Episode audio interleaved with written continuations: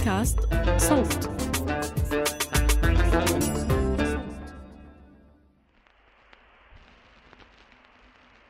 يعني خرجت يا أمينة أيوه يا سي السيد يعني بتستغفليني وتخرجي من غير أمري ابدا يا سي السيد ده أول مرة وحياة الحسين يا سي السيد اخرسي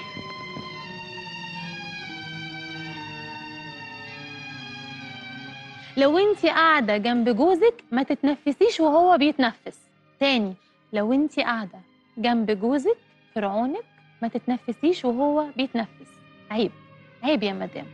المقطعين اللي سمعناهم دول واحد فيهم من فيلم بين القصرين إنتاج سنة 1964 واللي بيحكي قصة سي السيد أحمد عبد الجواد وسلطته الطاغية على أهل بيته في بدايات القرن العشرين وتحديدا فترة ما قبل ثورة 1919 في مصر. الفيلم مستوحى من ثلاثية نجيب محفوظ بين القصرين وقصر الشوق والسكرية. المقطع التاني لصوت مميز جدا والتميز هنا مش جاي من حلاوة الصوت لكن بسبب اقتحام البيوت وعالم السوشيال ميديا. صوت الإعلامية صاحبة الصوت الصيفي الشتوي الفرعونة الصغيرة ياسمين عز. تقول لك إيه بقى؟ مم. أصل مشيته شبه الطاووس كده مش عاجباني. مش عاجبها المشيه بيمشي معتز بنفسه كده نفس مشية أمه. إيه يا مدام؟ اهدي يا مدام اهدي يا مدام. ده انت لحد أول امبارح كنت مفكرة إن نرجسي ده طبق حلويات؟ خلينا ساكتين يا مدام وخليني ساكتة.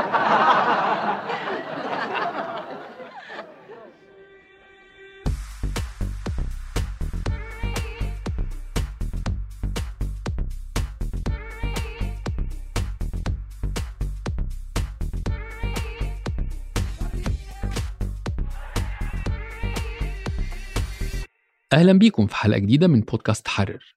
ومعاكم أحمد إيمان زكريا من فريق صوت. حلقة النهاردة واحدة من مجموعة حلقات بننتجها ضمن ملف نسوي مشترك بنشتغل عليه مع شبكة فبراير. وشبكة فبراير هي شبكة إعلام بتضم أكتر من مؤسسة للإعلام البديل. قررنا نشتغل سوا على الملف النسوي ده تحت عنوان العمل النسوي وأسئلته المتجددة.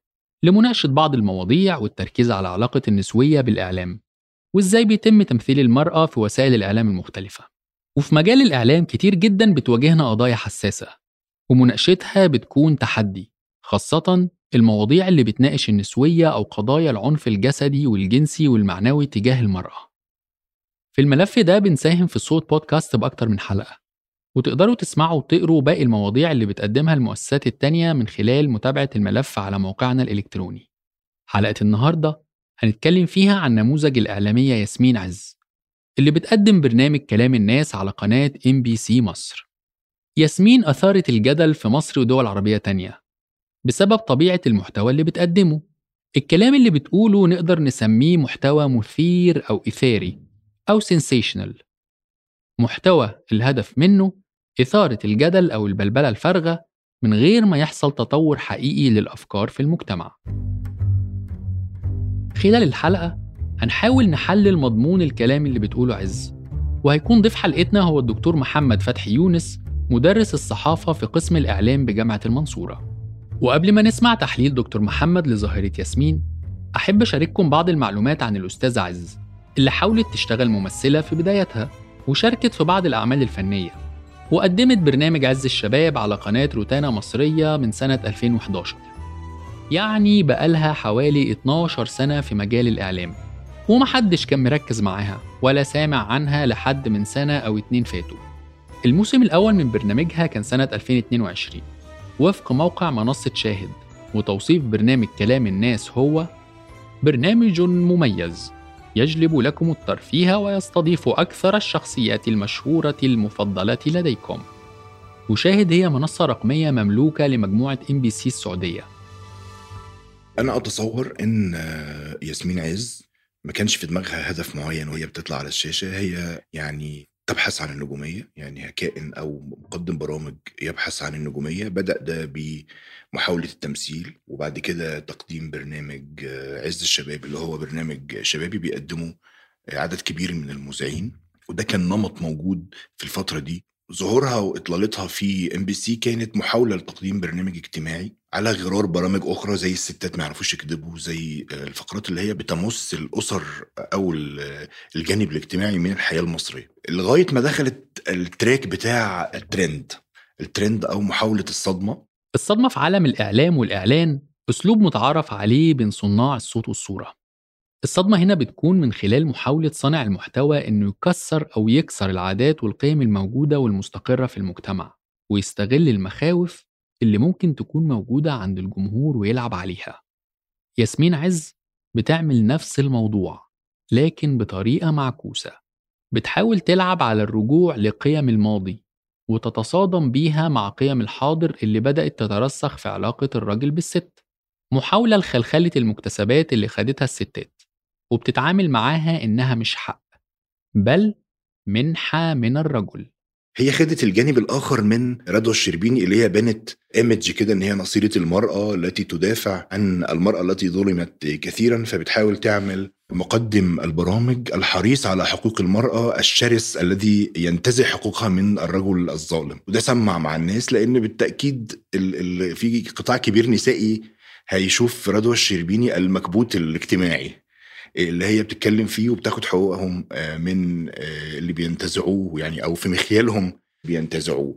آه، ياسمين عز عملت العكس. كانت بتلعب على فكرة ال- الإيمج بتاعت ال- الرجل المصري أو الرجل العربي بشكل عام اللي هو عمود البيت وإن المرأة دايما صانعة لهذا ال- الرجل القوي وهي صورة إلى حد كبير رجعية. وبتيجي على هوا ناس كتير قوي من كتير من الرجالة هو حاطط في بطنه بطيخة صيفي حبيبي ان انت هترجعي تكلميه بالليل. لا مش هتكلميه بالليل. خلاص؟ هيجي هو تاني يوم هيبقى مستني مكالمة الصبح مش هتكلميها. فهو هيبتدي يبعت لك message are you okay انت كويسة؟ عشان كرامته عنده هتبقى ناقحة عليه قوي ان هو يرفع عليك سماعة التليفون يرفع عليك سماعة التليفون. بقى عملت إيه؟ ما انت كده كده هتتكلمي يا ماما. فانت هتقولي yes حبيبي أنا كويسة جدا. أمال رحتي فين امبارح؟ مفيش رد. بعد الظهر هو هيتكلم واتحداكي. رغم التناقض بين رضوى وياسمين لكن تجربتهم متشابهة من ناحية الخبرة الإعلامية. رضوى بدأت عملها في التلفزيون الرسمي المصري ومحدش كان عارفها لحد ما بدأت تقدم برنامج هي وبس على قناة سي بي سي سفرة سنة 2017 يعني قناة مش متشافة غير عشان وصفات الأكل. قدمت رضوى نموذج المرأة القوية اللي ممكن تتوصف إنها سوبر وومن وبدأ يوصفها بعض الجمهور إنها عدوة الرجالة. يعني إحنا بنتكلم عن نموذجين من النساء. الاتنين بيخلقوا قطبية منشأها العداء عداء للراجل أو عداء وتقليل من المرأة. المثير للعجب إن كلام رضوى وياسمين مبني على انطباعات وأحكام شخصية بدون ما يكون عندهم الخبرة المهنية أو العلمية. فنلاقيهم يطلعوا لوحدهم قدام الكاميرا لمدة طويلة ويحكوا وينصحوا الستات ويقولوا لهم تعملوا إيه وما تعملوش إيه. دي موجة موجودة في مصر هي موجة الإعلام الكشكول أول حاجة اللي هو بيتكلم في كل حاجة دون تخصص. نمرة اتنين صاحب الميكروفون اللي هو بيطلع يقول آراءه ويفرضها على الناس. أنا برأيي ده نوع موجود يعني المفروض يبقى موجود وجود المقال في الصحافة اللي هو رجل بيقدم مقال تلفزيوني. يبقى كاتب كبير يبقى روائي مهم مفكر بيقول آراءه وبيتحمل نتيجتها. إنما ما ينفعش يبقى ده هو النمط الأوحد لتقديم الخدمة الإعلامية. انت بتقول خ... يعني مذيع توك شو مثلا على سبيل المثال بيقول خبر انت ليه بتلون الخبر؟ صحيح مفيش فيه موضوعية تامة بس في على الأقل اختيار يعني أنا ممكن أنحاز من خلال الفريمنج بس ما أقولش رأيي ما توصلش إن أنا ألون رأيي وأعقب وأبقى واصي على المستمع أو واصي على المشاهد. فهي ياسمين عز كانت جزء من هذه الموجة التي استمرت طويلا. على مستوى البرامج الاجتماعية كتير قوي من مذيعي البرامج الاجتماعية بيقولوا آرائهم. وبيقدموا نصايح زوجية ولو نساء هن غير مؤهلات لتقديم هذه النصائح. يعني مش هم مش أطباء نفسيات مثلا مش متخصصين في الأسرة ومشاكلها وعلم اجتماع الأسرة. الإعلامي الخبير الفقيه واحدة من معضلات المشهد الإعلامي المصري. والنوع ده من الإعلاميين متكرر ويمكن واحد من النماذج اللي مهم نذكرها هي الإعلامي توفيق عكاشة اللي كان له تأثير واضح على الشارع في مصر خلال فترة ثورة يناير وما بعدها. ومن خلال متابعة المحتوى اللي قدمه عكاشة نقدر نشوف إنه متشابه بشكل ما مع المحتوى اللي بتقدمه عز. المحتوى عند الاتنين شعبوي والشعبوية لها معاني كتير منها السياسي والاجتماعي. ونقصد هنا بالشعبوية في المحتوى إنه صانع المحتوى بيتلاعب بالجمهور وبيحاول يجذب انتباهه لتحقيق هدف واضح. وفي حالة الإعلام طبعا بتكون الأهداف إما الترند أو تحقيق ربح من الإعلانات. وزي ما بنشوف على السوشيال ميديا ياسمين بتركب الترند كتير. وده أكيد مكسب سواء لشخصها أو للمؤسسة الإعلامية اللي بتشتغل فيها. من خلال البحث في Google Trends لاحظت إن ياسمين بتكون ترند في مصر كل فترة. فكانت في أعلى مراحل الترند السنة اللي فاتت في آخر شهر سبتمبر اللي فات. وبعد كده اختفت. وبعدين رجعت في نوفمبر. وبعدين اختفت. وبعدين رجعت في يناير. وبعدين ما اختفتش يعني تقريبا كل شهرين تطلع تعمل ضجة بصوتها الصيفي وبعدها تعمل بيات شتوي. موجود في مصر في منصات أو قنوات كتير أن المذيع وحده هو صاحب المساحة. المفروض إن اللي بيقدم المادة دي رئيس تحرير أو صحفي بيشرف عليها وهي دورها التقديم فقط. أنا ما أعرفش طبعا دولاب العمل هناك إزاي بس هي وحدها أظن هي غير مؤهلة لذلك يعني. بدليل إن الكلام كله والوصفات التي تقدمها ياسمين عز من وجهة نظري هي وصفات رجعية وأنا أشك إن هي بتطبقها على حياتها الشخصية. زي ما حضراتكم عارفين آه أنا ما بتكلمش غير في الأصول هنعيد تاني بقى الكلام. واللي أنا اتربيت عليه واللي الناس المحترمة اتربت عليه واللي أهالينا كلهم اتربوا عليه واللي بقوله قدامكم على الهوا والله العظيم هو اللي بعمله في بيتنا. آه واللي بعمله بره الهوا هو اللي بعمله قدام الهوا. لا مضطر أزوق الكلام ولا أغير قناعاتي عشان أرضي حد معين مع إن والله أريح لي وأسهل لي وأسهل حاجة في الدنيا إن أنا أعمل كده وأطلع أمثل على الهوا آه وزي ما بيقولوا كده بالشعبي أريح الزبون وأشوف هو عايز يسمع إيه وأقوله له. بس أنا ما بعملش كده مع إن ده أسهل وما يجيبليش الكلام.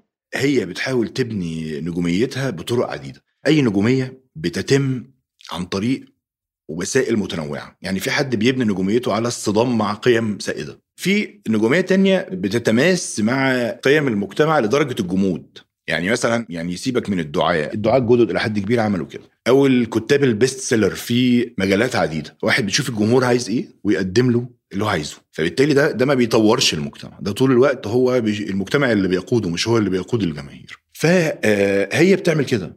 هي بتبني صورة رجعية شعبوية بمعنى بمعنى أصح. هذه الصورة الشعبوية بي بتلاقي رواج عند قطاعات كتيرة من المجتمع بيسقفوا لها. وبعدين بتخلق جدل ومعارك. الجدل والمعارك بيخلوها على سطح النجومية. أي معركة في الإعلام الناس بتحب فيها دراما. الدراما دي بتخلق مشاهدة.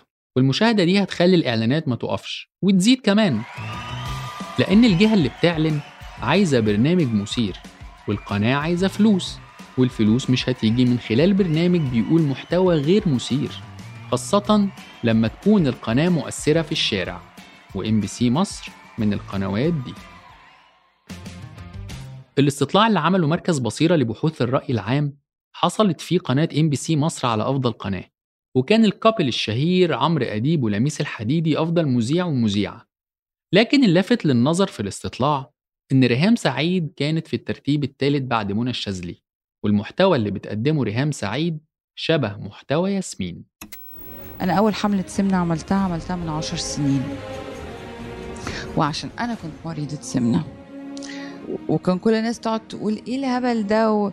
وإيه يعني واخدة شوية ناس تخسسهم بتاع. الحمد لله إن إن, كان عندنا آه نظرة مستقبلية. والحمد لله. لو تلاحظ ال MBC أو بعض القنوات الأخرى يا إما عملوا قنوات خاصة بمصر يا إما عملوا صفحات خاصة بمصر. بتشوف العربية مثلا عربية مصر MBC مصر الجزيرة مصر. فمصر كتلة كبيرة إحنا بنتكلم في 110 مليون دلوقتي أو حاجة فسوق كبير جدا. حتى من الناحية التجارية مصر سوق إعلامي مهم مشاهدات مهمة قوة ناعمة كمان مؤثرة. يعني أنا لما باجي منصة خليجية أو قناة خليجية بتهتم بالشأن المصري وتحقق هذا الانتشار في مصر طيب ما هي مش كل اللي بتقدمه بيخص مصر. بتخدم بيه الملكية بشكل أو بآخر فبالتالي القوى الناعمة الخليجية بيتم تعزيزها في السوق المصري. والحاجة الغريبة الحقيقة إن ال MBC المجتمع المالك أو الشركة المالكة ل MBC المجتمع بتاعه بيتحرر من هذه السرديات بشكل أو بآخر. يعني المرأة السعودية حققت مكاسب كبيرة جدا خلال السنوات القليلة الماضية. إحنا بنعيد تاني في مصر مفاهيم التي انقرضت ومكتسبات المرأة اللي خدتها على مدار 100 سنة من أيام ثورة 19 وقبلها. بنحاول نعيدها لمسألة أمينة. ده بيلاقي صدى للأسف عند شرائح كتير قوي. أستاذة ياسمين بتستخدم لغة فيها صيغة الأمر والتحذير وفرض الواقع ووصف الست إنها مش عارفة وإنها الإعلامية أو الست اللي هتعرفها الصح. نموذج مشابه للمنظور الأبوي الذكوري اللي بيفرض على المجتمع قيم معينة لأنه عارف مصلحة المجتمع أكتر. فنلاقي ياسمين بتستخدم جمل زي أنتوا عارفين ان في حاجة اسمها اتيكيت التعامل مع الزوج؟ دخل مدياله ظهرك لفي وشك على طول لجوزك. بتعملي حاجة انتبهتي انه جه على طول جري سيبي الحاجة وروحي له. حتى لو هتطلعي تروحي تقولي له حبيبي حبيبي نورت نورت بيتك. حبيبي حمد لله على السلامة. حيلا من جانا. قولي اللي انت عايزة تقوليه وارجعي كملي حاجتك. بس يحس انه لما يدخل كده عارفين زمان لما كنا في الفصل والمدرس يدخل نقوم نقف من احترامنا وشدة أدبنا أيام بقى الطيبين جوزك ده أحسن من المدرس. بمناسبة بقى عيد حب الرجل اسمع يا فرعون يا تاج الراس يا برطمان العسل يا خلية النحل يا منبع السكر يا أصل الحلا والغلا يا طير وطاير في السماء. الله! سمي البيبي أسماء بلاد الفرنجة اللي لغوها أو على اسم مامتك أو على اسم باباكي أو عايزة تسميه على اسم قطتك اللي هربت في الشوارع وشردت منك ومن عمايلك. الله يكون في عون جوزك. عايزة بقى تحققي أحلامك في اسم البيبي بدون الرجوع للراجل جوزك الفرعون. هي بتتقمص فكرة المرأة الحكيمة المصرية التي تحافظ على استقرار البيوت. ده بيجي على هوا ناس كتير جدا. بيجي على حتى النساء بعض النساء يعني اللي هم المأزومات اللي شايفين إن طب ما نجرب السكة دي تمام؟ طبعا كتير من الرجالة حتى لو بشكل فاني هو شايف إن حد بيريحه وبيرجع للمرأة إلى إلى الخلف طول الوقت ويجيب المشكلة على المرأة. ومثل هذا الخطاب الرجعي عارف البني آدم طول الوقت عدو الجديد يعني هو مستقر يحب الاستقرار حتى لو غلط حتى لو الحياة دي فيها صعوبة. فبيلاقي صدى إعلامي بنت شكلها جميل طالعة في وسيلة إعلامية مؤثرة وبتقول الكلام ده فبيلاقي أصداء مهمة جدا أصداء ومع سواء معارك أو تأييد. ده عمل حالة ياسمين عز الإعلامية. التقمص. أو لو قدرنا نقول التقليد ياسمين بتقلد شخصية بتخرج للناس قدام الكاميرا بوعي كامل وعارفة إنها هتقول كذا وكذا وكذا. مش متنومة مغناطيسيا ولا معمول لها غسيل مخ. ويا سلام لما تكون الأنثى اللي بتقلد على الشاشة شكلها لافت وجميل وفق معايير الجمال الأبيض اللي بيشوف الست سلعة. فهي طول الوقت بتتحدث بلغة الاستقرار ومعرفش إيه خرب البيوت وإن المرأة لازم تبقى خانعة وهذا وهذا الكلام الرجعي. بس هي في نفس الوقت بتمارس الحداثة هي جزء من عالم الحداثة المدمر أحيانا. يعني اللي حضرتك بتقول عليه ده ما هو تسليع للمرأة. مثلا هي بتعيب على النساء استخدام أدوات التجميل بشكل مفرط. قالتها حتى بشكل تهكمي انت لو غسلت وشك ليلة الفرح هت- هتباني ملامحك الحقيقية فهي الراجل هيصاب بالفزع مش عارف إيه. طيب ما انت بتستخدمي الأدوات المكياج بشكل مفرط انت كمان. يعني ده في تناقض كبير جدا وبيعكس إن هي لا تؤمن بما تقوله بس اللي يركز معاها هي بتنادي بعدم الإفراط في الاستهلاك ولكن هذه مناداة حافلة بالطبقيه وضد إن الناس تحسن من حياتها. كلام ياسمين يبدو مرتجل وعفوي. والواضح للي بيتفرج عليها إنها مش لازم تكون بتقرأ الكلام ده من شاشة أو سكريبت مثلا. لكن لو كانت بترتجل فهل هي فعلا عفوية وبتتكلم على سجيتها؟ هو طبعا مش عفوي هي حددت ملامح نجوميتها والمناطق اللي بتشتغل فيها وهي بتشتغل البرنامج زي أي برنامج اللي هو بتجيب نجوم أو بتتكلم عن ذكريات قديمة ونوستالجيا أو بتاخد تصريحات. ولكن حتى ده في غلاف المرأة التي تعيد للرجل حقه. يعني مثلا تجيب فيفي عبده أو تجيب حد قديم تتكلم معاه في مشاكل أسرية وتطرح وجهة نظرها حتى لو اللي قدامها ده مختلف معاه. اللي مزعلهم إني قلت مرة الراجل نعمة ربنا في الأرض أحلى حاجة في الدنيا. متفقة معايا ولا لأ؟ أحلى حاجة في الدنيا؟ آه. لا طبعا انت ده انت نحنوحة قوي يعني ده انت نحنوحة قوي يا ياسمين. طريقة ياسمين عز بتخلينا نسأل نفسنا هل هي كده ناجحة؟ وإيه هي معايير النجاح بالنسبة لها؟ وهل نجاحها ده نجاح مستمر ولا مؤقت؟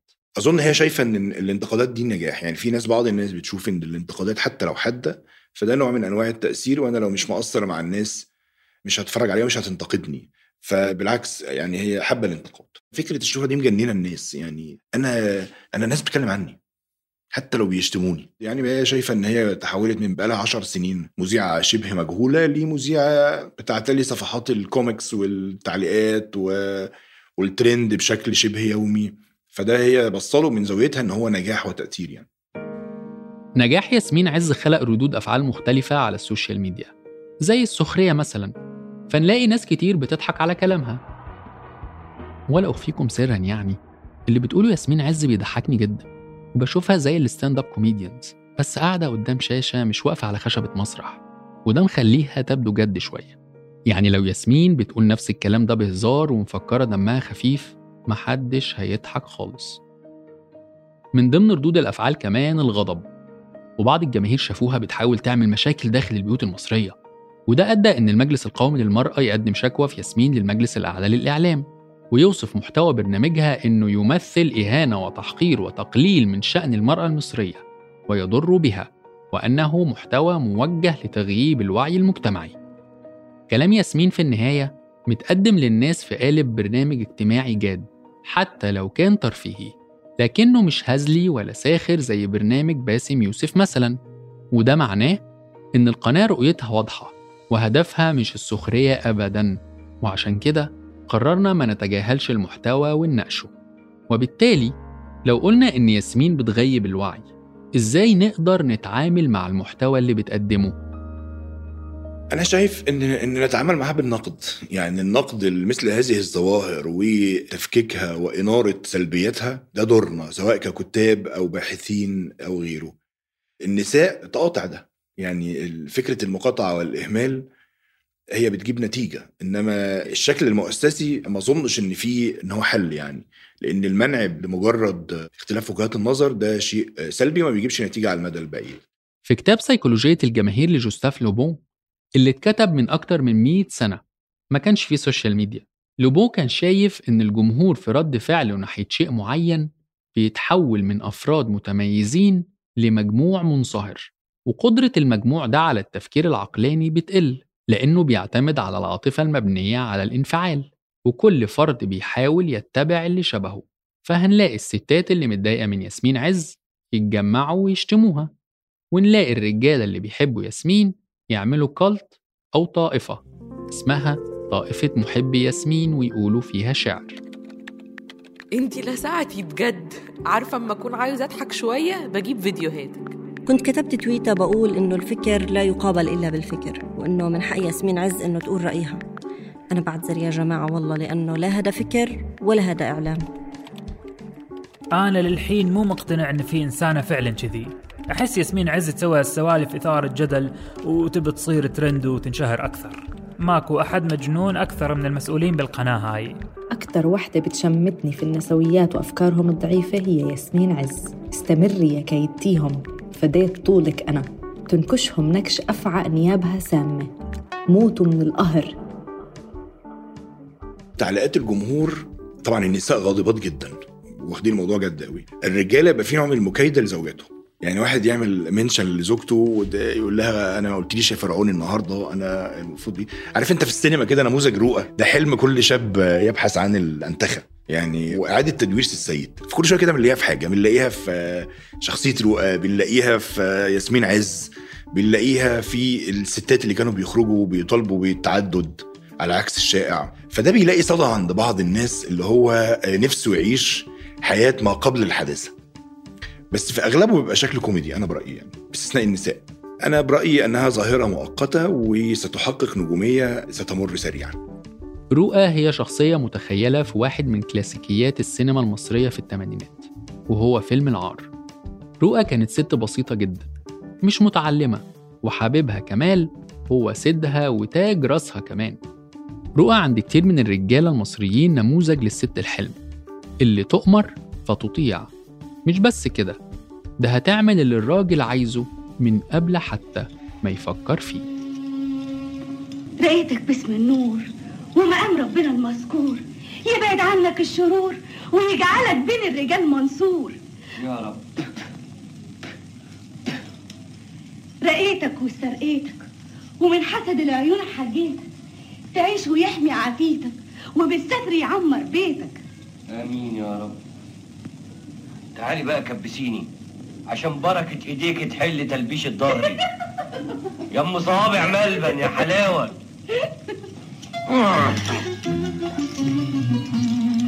بعد إذنك يا سي كمال.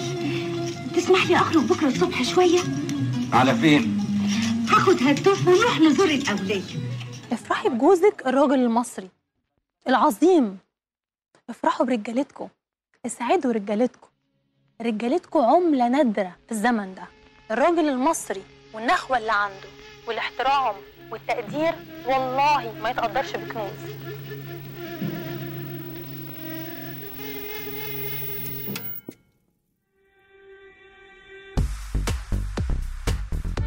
كنت معاكم من الإعداد والتقديم أحمد إيمان زكريا. من الإنتاج والتحرير تالا حلاوة. من الهندسة الصوتية نور الدين باللحسن الحلقة دي أنتجناها ضمن ملف مع شبكة فبراير عن النسوية والإعلام. بودكاست حرر من إنتاج صوت.